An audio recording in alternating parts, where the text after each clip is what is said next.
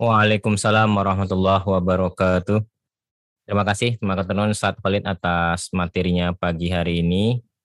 Belum sampai habis ya Mas Ustaz. Nah, nanti pikul ayat pikul ayat wilayah hakamnya panjang ya. Tapi ada banyak pertanyaan nih Ustaz sudah masuk di kolom pesan. Yang pertama dari Pak Suharwanto. Nyuwun Pirso Ustaz terkait dengan pengadilan di alam akhirat, ada mukmin yang menjalani al-urdu tanpa hisap. Mohon penjelasannya. Ya. Jadi namanya urdu itu hisap ya. Nah, cuman kalau orang-orang mukmin itu hisapan yasir. Jadi dengan hisap yang ringan ya. Nah, sedangkan orang-orang kafir, orang-orang yang tidak beriman, para ahli nar itu akan mengalami hisap yang sulit ya, gitu. Nah, yang bighairi hisap itu ada kelompok-kelompok tertentu yang dikecualikan. Misalnya para syuhada dan beberapa yang lain mereka akan yadkhulunal jannata bighairi hisab ya. Jadi tidak mengalami harus berhadapan dengan Allah karena seluruh dosa mereka sudah akan dihapus melalui beberapa jenis amal yang ditentukan itu. Wallahu a'lam. Baik, Ustaz. Lalu lanjutan dari pertanyaan tadi dari Bu Nur Inayah. Lalu kriteria dan tingkat keimanan yang bagaimana yang mendapatkan kemurahan hisaban yasiro? Dan semua apa yang beriman, dapat ya. menjauhkan dari karunia tersebut? Jadi semua orang beriman yang imannya betul, tidak bercampur dengan kemusyrikan, mereka akan berhadapan dengan hisaban yasiro. Tetapi bagi orang-orang yang beriman, tetapi bahwa amal-amal buruk mereka ketika ditimbang itu lebih banyak, lebih berat daripada amal baiknya, mereka nanti terpaksa akan masuk ke neraka. Jadi ini iman itu syarat mutlak ya. Pertama untuk orang masuk surga. Nah, tetapi apakah orang akan langsung masuk surga atau tidak ini bergantung kepada amalnya, amal yang didasarkan kepada iman ini.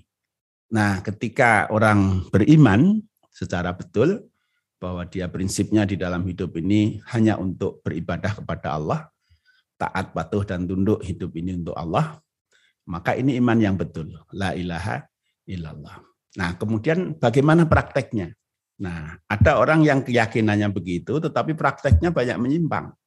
Nah, sehingga dia melakukan as keburukan-keburukan.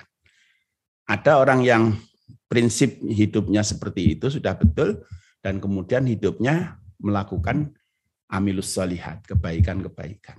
Nah, amal baik dan buruk ini di akhirat nanti pertama semuanya dihisap. Itulah transparansi ya. Wa may ya'mal misqala dzarratin khairan yarah wa may ya'mal misqala dzarratin syarran yarah. Ini persoalan transparansi.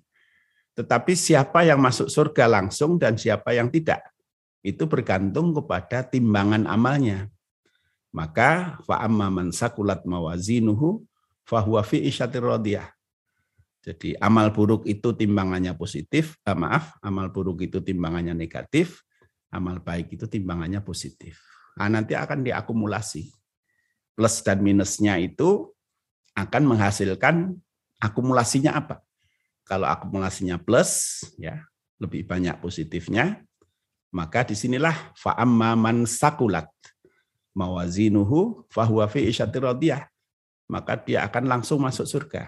Walaupun dia juga melakukan keburukan-keburukan, tetapi bahasa Allah seperti tadi di dalam hadis Bukhari dan Muslim.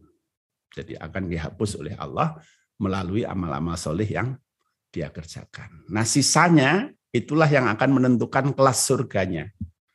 Makanya surga yang paling tinggi adalah Al-Firdaus, di bawahnya apa, di bawahnya apa, di bawahnya apa, di bawahnya apa.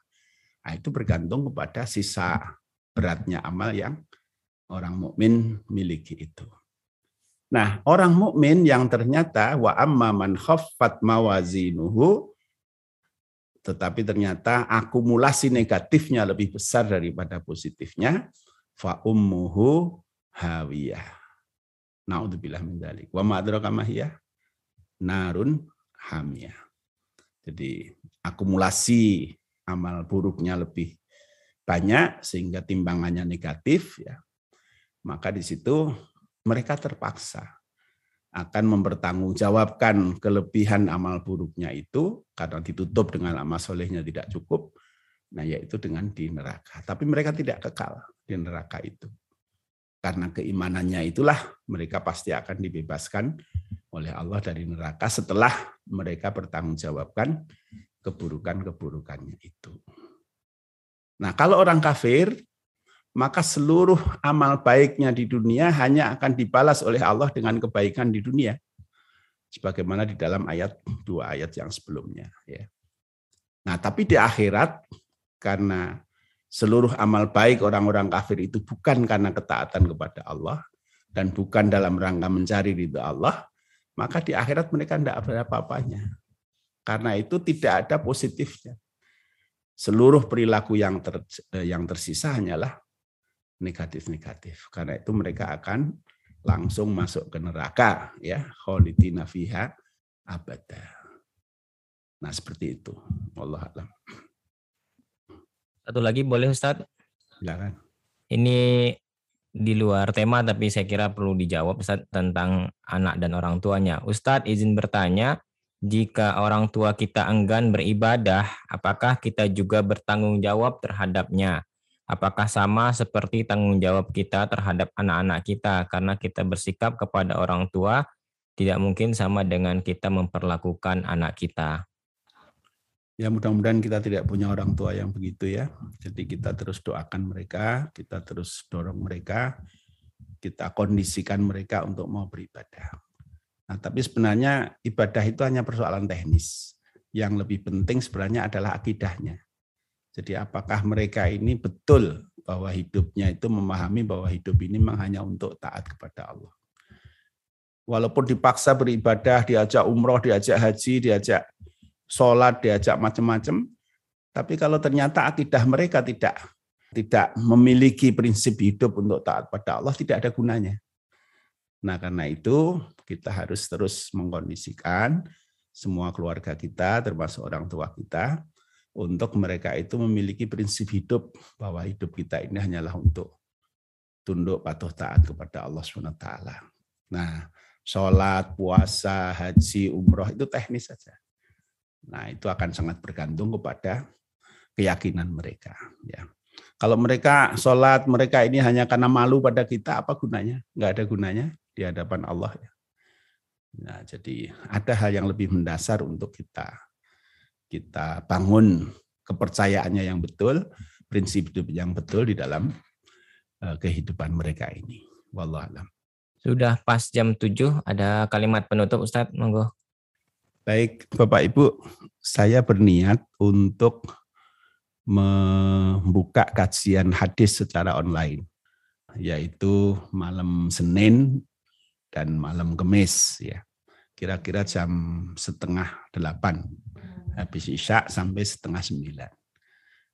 Nah, ada dua kitab hadis. Ini yang pertama ini kitab Bulughul Marom, ini kumpulan hadis tentang fikih. Dan yang kedua ini sarah dari Riyadus Solihin, ini kumpulan hadis tentang akhlak.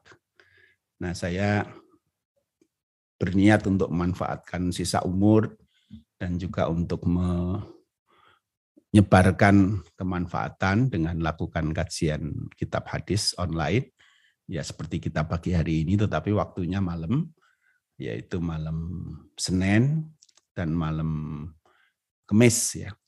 Insya Allah kita mulai pekan depan. Nah tentang kitab-kitabnya itu secara online sudah sangat tersedia tetapi akan lebih bagus kalau Bapak Ibu punya bukunya dan itu sangat mudah diperoleh di toko-toko buku yang terjemahan ya, terjemahan Bulughul Maram maupun terjemahan Riyadus Salihin. Nah, nanti saya akan merujuk dalam kajian hadis Bulughul Maram itu kepada ini kitab uh, Taudihul Ahkam yang ditulis oleh Syekh Al-Bassam. Kemudian untuk kajian sarah hadis Riyadus Salihinnya saya akan merujuk kepada kitab ini ya, Sarah Hadis Riyadus Solihin yang ditulis oleh Syekh Ibnu Utsaimin ya. Nah, tentu sebagaimana dalam kajian tafsir jika diperlukan saya akan menambahkan beberapa catatan dari hadis atau buku-buku syarah hadis yang lain. Nah insya Allah mudah-mudahan Allah mudahkan kita. Saya tidak peduli mau yang ikut dua orang, tiga orang, tapi dengan cara itu maka saya akan belajar lagi tentang hadis-hadis itu. Nah mudah-mudahan akan membawa manfaat pada kita bersama. Insya Allah pekan depan kita mulai. Terima kasih. Assalamualaikum warahmatullahi wabarakatuh.